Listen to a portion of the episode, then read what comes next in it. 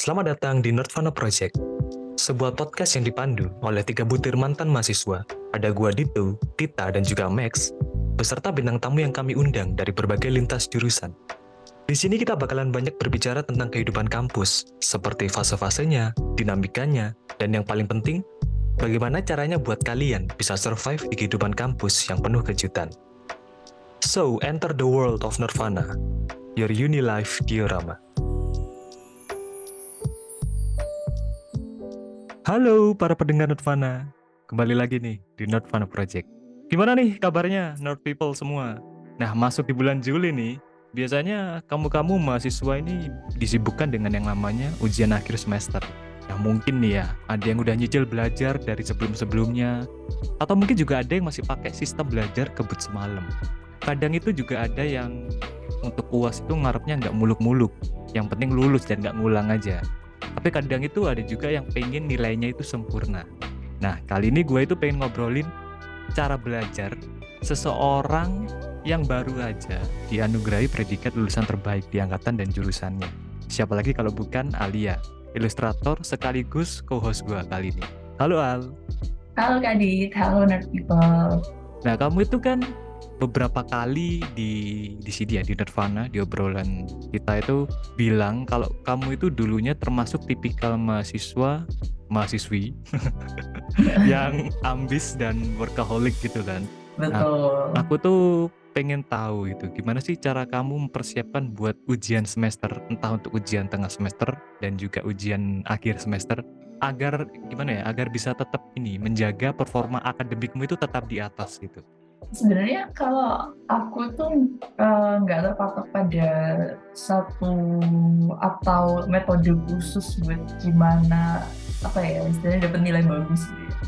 Soalnya aku sendiri nyesuaiin sama masing-masing mata kuliah, karena kan dosen juga beda-beda dan beban mata kuliahnya sendiri pasti beda. Gitu. Ada yang kita suka, ada yang kita nggak suka.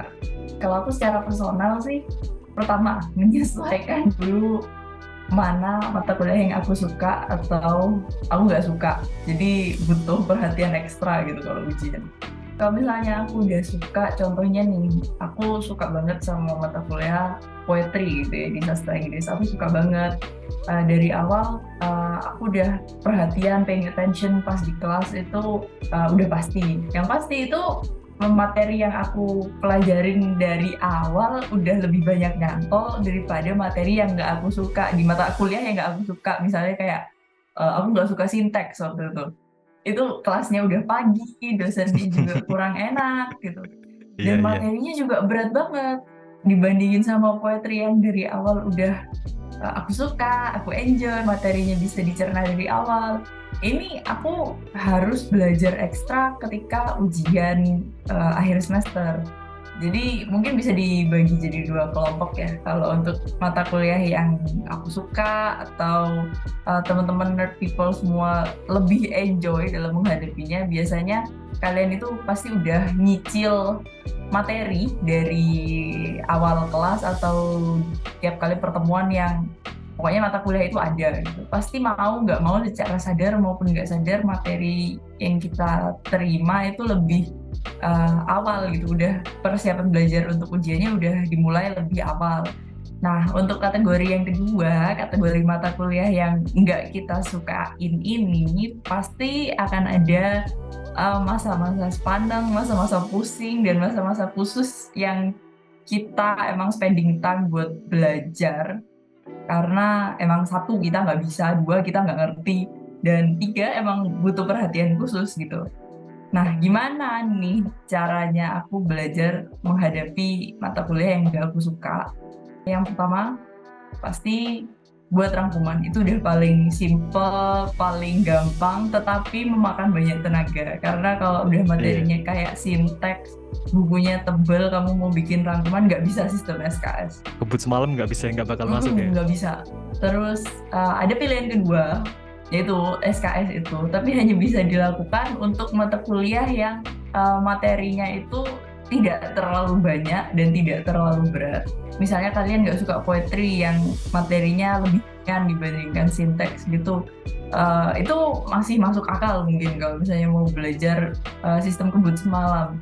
Tapi kalau udah sinteks, grammar, sistem kebut semalam, aduh nggak bisa kemungkinan untuk berhasil itu sangat kecil gitu oke nggak efisien berarti ya lebih ke nggak mm, efisien betul. bisa gak sih bisa banget. tapi nggak terlalu optimal lah di hasilnya mungkin gitu yeah. ya iya. oke berarti sebagai mahasiswa yang yang aku tangkap dari omonganmu itu yang pertama harus tahu ini dulu ya apa e, mata kuliah mana yang ringan mana yang berat karena tiap-tiap mata kuliah di tiap-tiap jurusan kan pasti beda-beda kan.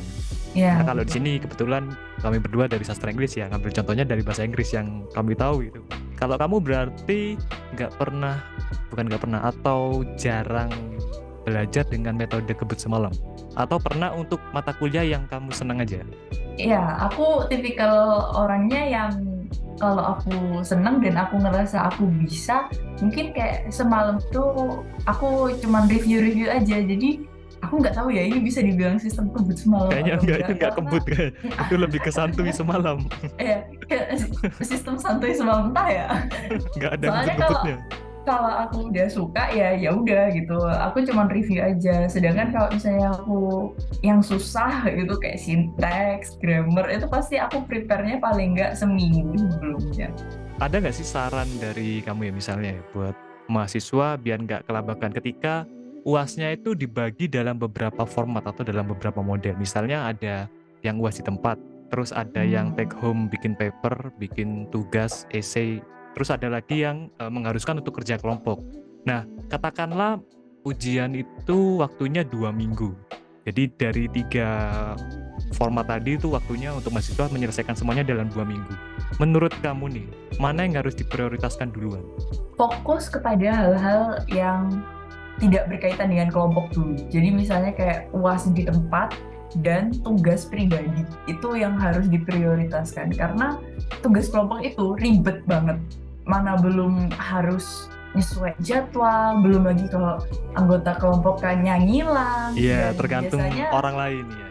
Uh, dan biasanya untuk tugas kelompok itu kan jangka waktunya dikasih lebih panjang dari dosen itu dibandingkan dengan uas di tempat dan juga uh, esai pribadi atau tugas uas pribadi. Hmm. Biasanya kalau uh, aku pasti memprioritaskan hal-hal yang berkaitan dengan diriku sendiri dulu. Ini terkesan individualis Iya, terkesan tapi, egois. Eh, ini terkesan, ini iya. make sense gitu karena iya, iya. kita juga daripada pusing ngurusin hal-hal yang nggak bisa kita istilahnya nggak bisa kita atur, nggak bisa kita kontrol kayak temen yang hilang, yang nggak bisa dihubungi, yang nggak mau nyetor tugas, mending kita selesaiin dulu, fokus dulu untuk memperoleh nilai maksimal pada kayak hal-hal yang udah pasti gitu, yang bisa kita kontrol. Baru kalau udah beres, masih ada tugas kelompok itu, tugas kelompok itu bisa dimaksimalkan bagaimana caranya buat teman-teman yang tidak efisien tadi untuk mau bekerja secara efisien. Oke, ya gue setuju sih. Jadi kalau kerja kelompok itu memang yang pertama mengandalkan orang lain. Kitanya udah niat hmm. tapi orang lain belum tentu seniat kita. Kadang-kadang yang udah jelas-jelas ini buat uas aja itu masih uh, ngentengin orang lain. Ya.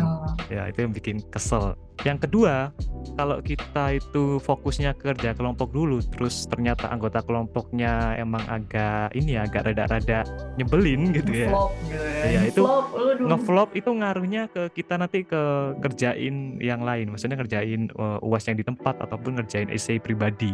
Kepikiran gitu kan. Jadi pas mm. ngerjain UAS di tempat atau ngerjain essay itu udah nggak fokus sama hal itu karena kepikiran sama kelompok ini. Tapi sekali lagi, kebiasaan belajar tiap orang itu beda-beda. Mungkin caraku atau caranya Alia itu bisa sama dan cocok nih buat kamu gitu kan. Tapi mungkin yang lain enggak ya nggak apa-apa juga.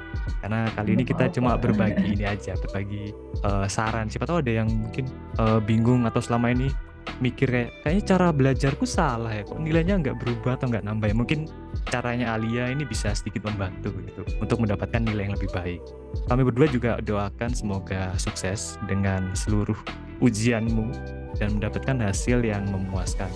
Akhir kata, terima kasih sudah mendengarkan episode kami ini sampai selesai. Terima kasih juga buat Alia, co-host kali ini yang bukan lagi bintang tamu. Walaupun di obrolan kali ini jatuhnya kayak bintang tamu sih yang memberikan ini kan feedback, memberikan jawaban. Tapi sekarang dia udah naik tingkat jadi co-host. Terima kasih buat waktunya dan sampai jumpa di obrolan Nirvana kita berikutnya.